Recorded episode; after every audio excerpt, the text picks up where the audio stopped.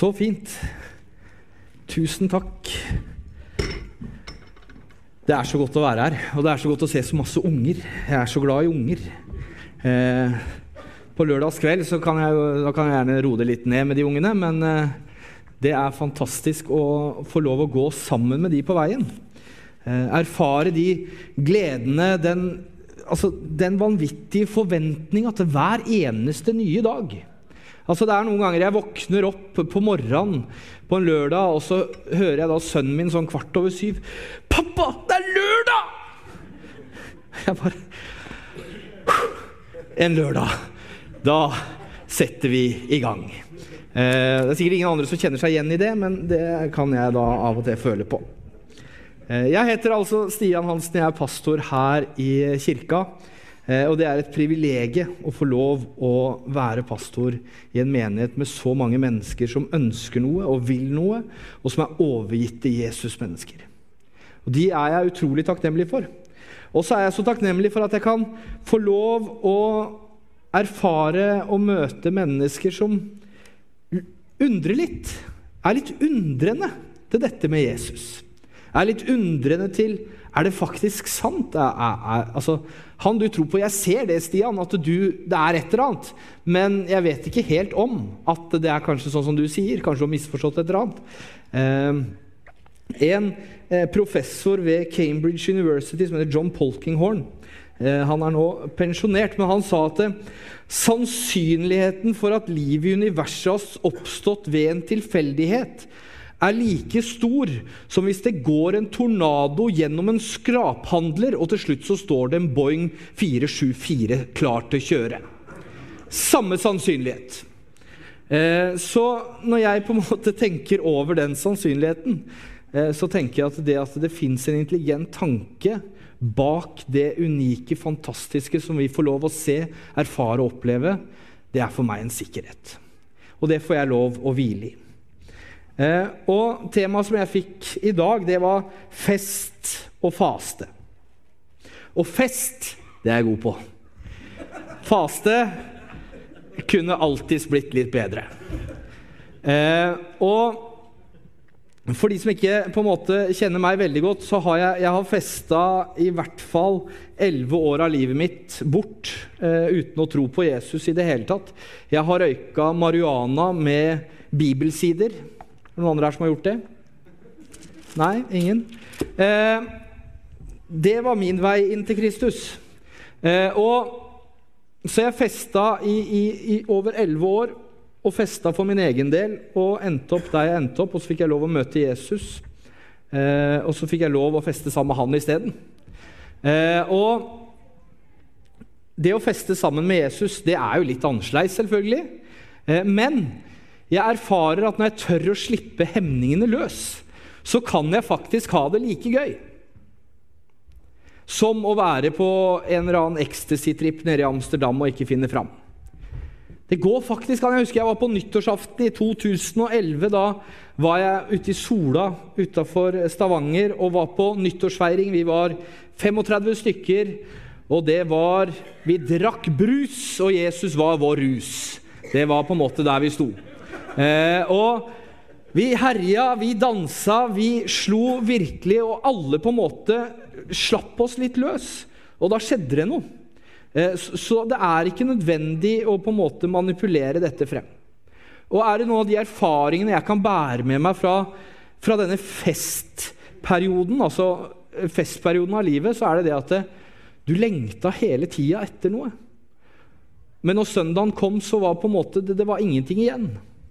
Mens når vi på en måte velger å feste sammen med Jesus, så sitter vi noe, med noe igjen på søndagen. Det er substans, det er noe å bære med seg videre. Det er å erfare og oppleve mennesker, det er å se og erfare og oppleve Jesus og hva han gjør inn i våre liv. Eh, den teksten som jeg skulle eh, tale ut ifra, det var Matteus 6. Eh, og vi har jo hatt bergprekenen som tema helt siden august. Eh, og nå er vi eh, kommet forbi Fader vår. altså Denne, denne sekvensen av Jesu bergprekten snakker om den, den, nye fromhet. Jesus sier ikke, ikke be sånn som eh, disse som skal stå på gatehjørnene og be lange bønner for at de skal bli sett av folket, men be heller slik. Vår Far i himmelen, la navnet ditt helliges. Og så kommer han til den sekvensen hvor han snakker om faste. Når dere faster, skal dere ikke gå med dyster mine, slik som hyklerne. De forsømmer sitt eget utseende for at folk skal se at de faster. Sannelig, jeg sier dere, de har alt fått sin lønn. Men når du faster, så skal du salve hodet, vaske ansiktet, for at ingen skal se at du faster. Ingen andre enn din far, som er i det skjulte. Og din far som ser i det skjulte, han skal lønne deg. Når Jesus kommer, så, så, på en måte, og vi ser jo hele oppbygninga av Matteusevangeliet bygger på fem forskjellige sekvenser, fem forskjellige lærerutviklinger av Jesus, fem forskjellige blokker med undervisning som Jesus kommer med. Og, og Matteusevangeliet er jo veldig retta mot eh, de jødiske, den jødiske konteksten og de som på en måte kjenner Skriften, de som kjenner Toraen, de som kjenner eh, Mosebudene, og de som på en måte kjenner historien som israelittene står i. Det er det. Og, og, og, det Jesus på en måte Om det er bevisst eller om det er ubevisst noe, altså Det fins mange tilfeldigheter, men jeg tror ikke Herren har så veldig mange tilfeldigheter. Kaller det gudfeldigheter, så ser man at det er fem forskjellige. og eh, i, I Mosebøkene så har du på en måte du har fem Mosebøker, du har fem forskjellige undervisninger, fem forskjellige historier som på en måte beskriver Israels vandring sammen med Gud. Og, og Det samme skjer også i Matteus evangeliet. Eh, og I akkurat den sekvensen vi er her nå, så ser vi at eh, Jesus snakker om en alternativ faste. Altså eh, fariseerne For de som ikke vet hvem fariseerne var, så var fariseerne et, et jødisk religiøst parti. En, en, gjeng med mennesker som eh, studerte Skriften fra veldig tidlig alder, og som eh, gikk nesten sport i å være best. Det handla om å være best, og det handla om å på en måte virkelig kunne alt hva som hadde med Kristus å gjøre. Og så til slutt så ender man opp med å kritisere Jesus for å ikke være religiøs nok. Det var på en måte konklusjonen til disse fariseerne. For det at de fokuserte på disse ytre handlingene, det som skjer på utsiden, det andre mennesker erfarer, ser og opplever, det var det de fokuserte på. Og sånn som når Jesus eh, sitter, og det kommer en kvinne inn som er prostituert, som vasker Jesu føtter eh, med tårene sine og tørker av med håret, så, så sitter fariseeren og dømmer, henne, nei, dømmer Jesus fordi at eh, Vet du ikke at du blir uren ved å berøre noe som er urent? Men det de ikke forstår, er at alt som er urent som rører ved Jesus, blir rent. Der ligger motsetninga. Så dette er fariseerne. Eh, og Jesu alternative faste skal avkle ytre former for faste. Eh, og mye av den praksisen som fariseerne hadde, den demonstrerte fromhet overfor mennesker istedenfor å uttrykke bot og omvendelse til Gud. Og nå om ti dager så skal vi ha askeonsdagsgudstjeneste her i, i kirka. Eh, og på askeonsdag så er det bot, omvendelse. Vi kler oss i fa... Kler, altså det står når, når dronning Ester eh, og Mordekai skulle gå inn til kongen, eh, så kledde Mordekai seg i aske og strie for å på en måte møte kongen. Og de gikk inn, Mordekai, Ester, Ester sine tjenestepiker, fastet i tre dager før hun skulle gå inn til kongen eh, og spørre om et møte. For det var ikke lov å gå til kongen uten å ha en avtale, og det hadde de ikke. og Da kunne du faktisk bli drept. Så vi ser at fasten på en måte er knyttet opp mot noe. Men det er ikke den ytre fromheten som fasten er knyttet opp mot. Og Vi ser det også i forhold til bønn. Det handler ikke Hvor mange av oss her inne har sittet og hatt bønnekonkurranse? Ja ja, det er bare meg, ja. Eh, det skjer ikke. Altså, jeg har av og til sittet og tenkt Nei, nå tok de og ba for det jeg skulle be for. Hva skal jeg be nå? Sant? Det handler om hva jeg presterer, hva jeg får til. Eh, og det er det motsatte av hva Jesus snakker om. Han sier det er ikke der, det er ikke på det, det området dere skal fokusere. Dere skal fokusere på det som skjer på innsida. Den dype relasjonen mellom meg og deg, og ikke mellom deg og alle de andre som du skal prestere for. Det er mellom meg og deg, det er der det ligger. Og Disiplene skal ikke la sin faste bli kjent for andre mennesker. Den skal skje innenfor Gud alene. Den kan kombineres både med hverdagsliv og fest dersom den bidrar til å vende hjertene helt om til Gud. Og Dette avsnittet om den nye fromhetspraksis den viser at mennesker ikke kan sikre seg belønning hos Gud ved å opptre på et spesielt mønster for fromhet. Eh, og Av og til så har jeg jo opplevd det i eget liv. at på en måte, ja, men se nå, Gud, se hvor flink jeg er nå! Ser du ikke litt, Hører du meg ikke litt tydeligere? Klarer du ikke Ja, men det er ikke det det handler om. Det handler ikke om hva du presterer. Jeg har allerede prestert for deg. Slapp av! Det er ingenting du kan legge til eller trekke fra det jeg gjorde på korset på Golgata for deg for 2000 år siden. Ingenting du gjør, kan endre på det, fordi jeg elsker deg. Jeg har håp for deg, jeg har framtidstanke med deg. Og så står det i Rombrevet at så er det da ingen fordømmelse for dem som er i Kristus Jesus. Så det handler ikke om prestasjon. Og hvis Jesus eksisterer, hvis Jesus er virkelig, så har det en enorm betydning for våre liv, akkurat det som han prøver å innføre her. At det er ikke hva du får til på utsida, men det handler om hva du og jeg gjør på innsida. For den Gud som er i det skjulte, han skal lønne deg i det skjulte. Og det er av og til sånn, altså når jeg var ganske ny på veien som kristen, så var det sånn at hvis jeg eh, hadde hatt en god preken, eller det hadde skjedd noe bra, så var jeg livredd for at folk skulle anerkjenne meg for det. For nei, nei, men det er, det er jo på innsida. Jeg hadde misforstått litt. fordi det, det, står faktisk det at så kan de prise deres far i himmelen for de gode gjerningene dere gjør. Og det er jo akkurat det det handler om. For det må ikke skje for at mennesker skal prise dere, men det må gjøres slik at de som ser dem, de gjerningene dere gjør, den dere er, kan prise deres far i himmelen. Han er den som ser i det skjulte, og ingen ytre fromhet kan gi oss garanti for at hjertet er helt med ham. Så hvis du ønsker at det neste året av livet ditt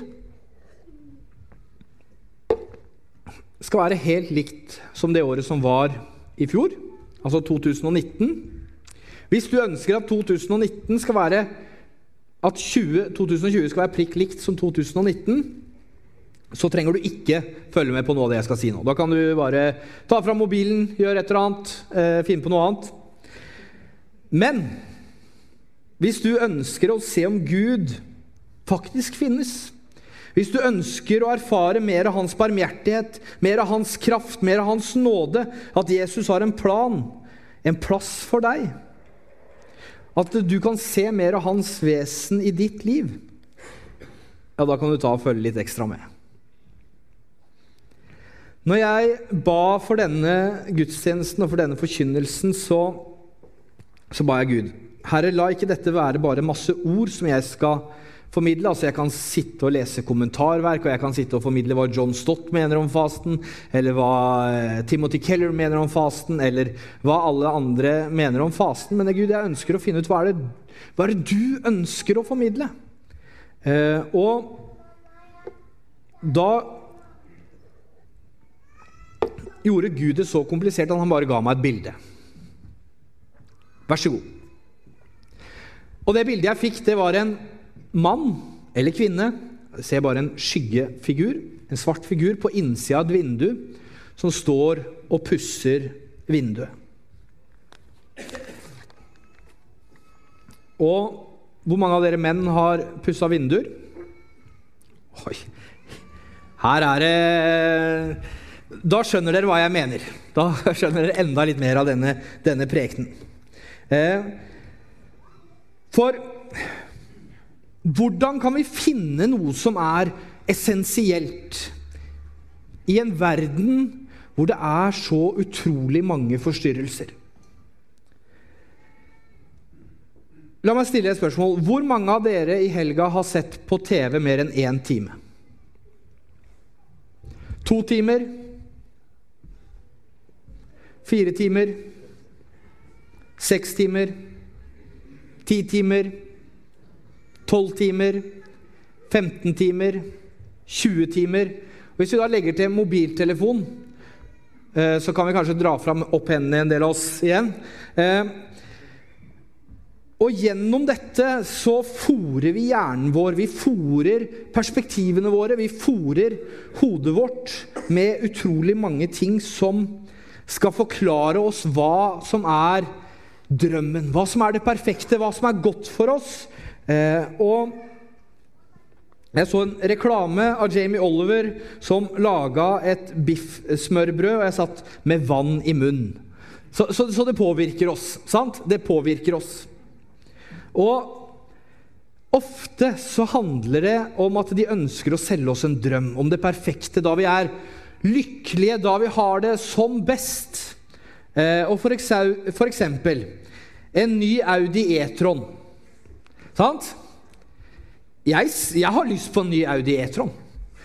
Og når jeg på en måte får lov å sitte i en Audi E-tron og bare sette meg ned i skinnsetene, kjenne trøkket Altså, det er bare åh!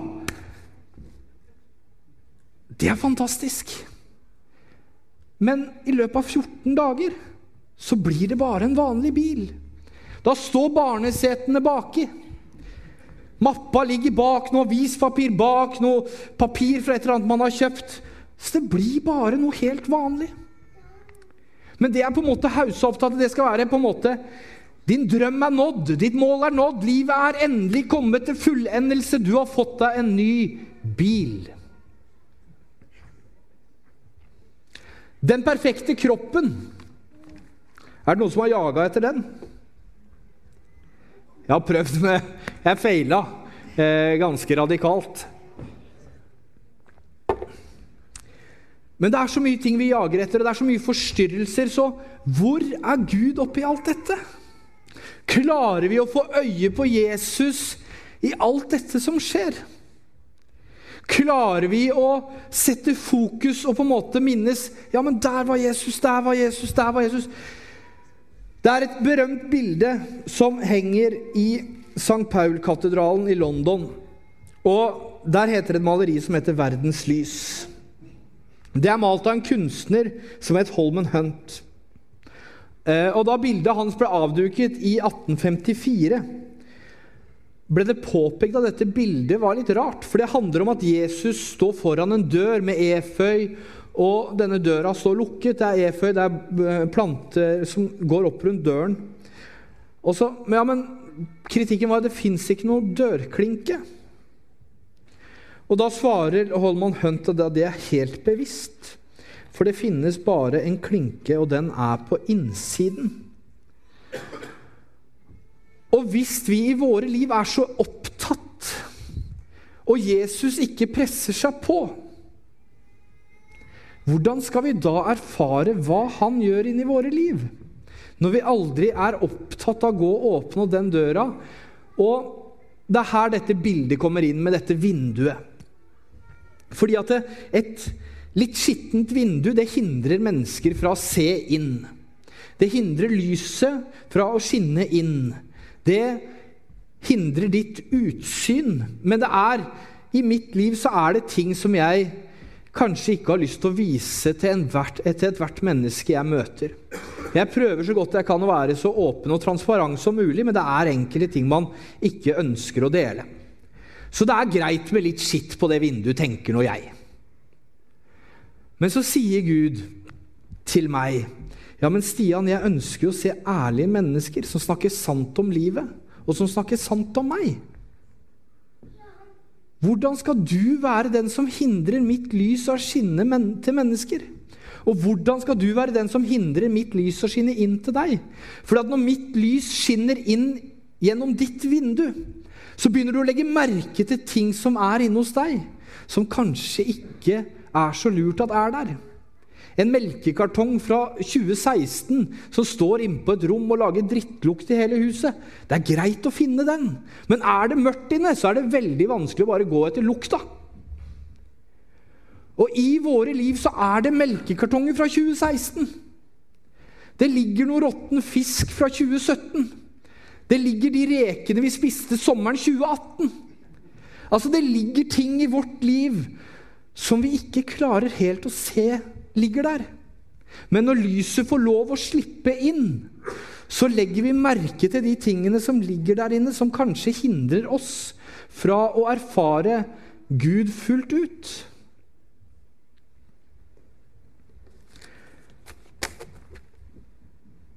Og det handler ikke om at vi skal prestere. Altså, nå, på askeonsdag så skal vi prate om hvorfor faster vi hva er viktig med fasten?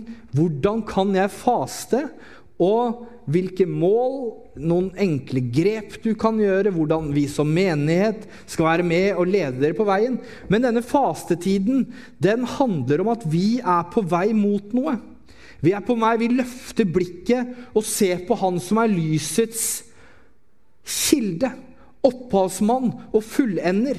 Vi løfter blikket, vi vasker vinduet, vi ser ut på Han, og i møte med Han så vil vår synd fortæres.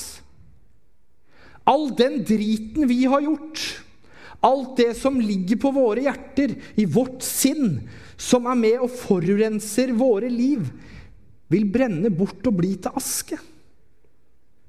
Skal vi prate om på askeonsdag. Og En kjent biskop som het Eivind Berggrav, sa en gang Den frelsende tro sitter ikke i hodet, men den sitter i beina.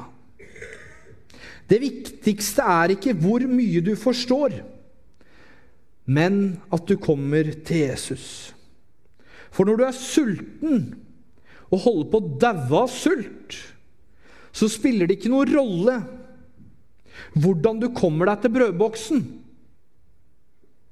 Men det viktigste er at du får i deg mat. Og det er det det handler om. Det handler ikke om hvordan, men at gjennom dette så skal vi få lov å sette fokus på Han som er troens opphavsmann og fullender. Det er så mange av oss som går rundt med en tomhet. Det er et eller annet som ikke er helt på plass. Salmo sier i Forkynneren at det, alt er tomhet. Tomheters tomhet og jag etter vind. Er det noen av dere som har opplevd å jagd etter vind før? Jeg husker jeg var og intervjua noen på Arkaden. Da møtte jeg en mann i 80-åra som sa det at mitt, min største drøm for livet er å klare å bli gjeldfri innen jeg dør. Han var over 80 år gammel. Det største jeg ønsker, er å være gjeldfri før jeg dør. Altså Når du har jobba hele livet for penger, og penger er det viktigste, og du har jaga livet etter penger, så vil du erfare at det blir aldri nok. Og Frank Mang sa det at du kan jage etter alt i denne verden, og du blir aldri tilfredsstilt, for de vil alltid skuffe deg. Men idet du begynner å jage etter sannheten, så vil du møte Jesus. Så fasten handler om at vi skal få lov å vaske våre vinduer lite grann. Og gjennom det så mener jeg at hvis du står og er litt sånn tvilende til dette med tro Hvis du er litt sånn 'Ja, men altså, jeg har ikke erfart eller sett eller forstått' eller alt det du forteller om, eller hva de kristne rundt meg forteller om, så tenker jeg helt topp. Da ønsker Jesus å la deg få lov å erfare hvem han er. Han ønsker å gi deg et innblikk i hvem han er, og hvordan du kan få lov å kjenne den helheten og den freden som han har kommet med. For den fred jeg etterlater dere, er ikke en fred som denne verden gir, men som jeg har fra Faderen, og som dere har fått. Så det er en annen type fred. Og jeg har jo fått høre det når jeg på en måte hadde en halv million i gjeld, kredittkortgjeld og inkassogjeld, en halv million i gjeld og livet var et rent helvete fra ende til annen, og så hadde jeg møtt Jesus, og var jeg plutselig vanvittig glad. Altså, jeg gikk rundt og hadde forventning og glede og alt sånt. Folk har det klikka fullstendig for deg? Nei, men jeg har fått et Altså, det håpet, det himmelhåpet, det som har lagt seg på innsida, det er ingenting i denne verden som kan stjele det fra meg. Og det gir meg en fred og en glede. Så hvis du har spørsmål, hvis du er litt tvilende, hvis du ikke helt skjønner og forstår, så kan det jo hende at det skapes en Boeing 747 av en tornado som går gjennom en skraphandel. Det kan skje. Det er jo en, en viss form for sannsynlighet for at det kan skje. Men hvis du ønsker å erfare og se hvem han er, så ønsker vi å invitere deg inn i denne fastetiden. Og at du skal gå inn med et litt åpent spørsmål. Med at OK, det er greit. Jeg ønsker å be en bønn hver dag. Og den kommer til å være kjempelang og from. Den kommer til å være sånn Jesus, OK, your chance. Det skal være bønnen din. Jesus, OK, nå har du sjansen. Jesus, OK, nå har du sjansen. Og for oss andre som har gått denne veien i 10 år, 15 år, 25 år, 30 år, 50 år, så handler det om at Gud ønsker å fornye deg. Gud ønsker å la deg erfare og se ham på nytt. Og han ønsker at du skal få lov å se og erfare ham på nytt.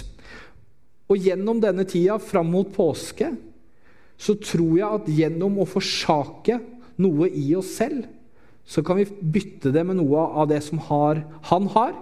Vi skal ha et bibliotek her ute som vi setter inn masse bøker. God kristen litteratur, eh, trosstyrkning, trosmestring, livsmestring osv. osv. Og så bytte ut mobilen eller Netflix eller HBO eller et eller annet i 40 dager med denne boka, så tror jeg Gud kan gjøre store ting.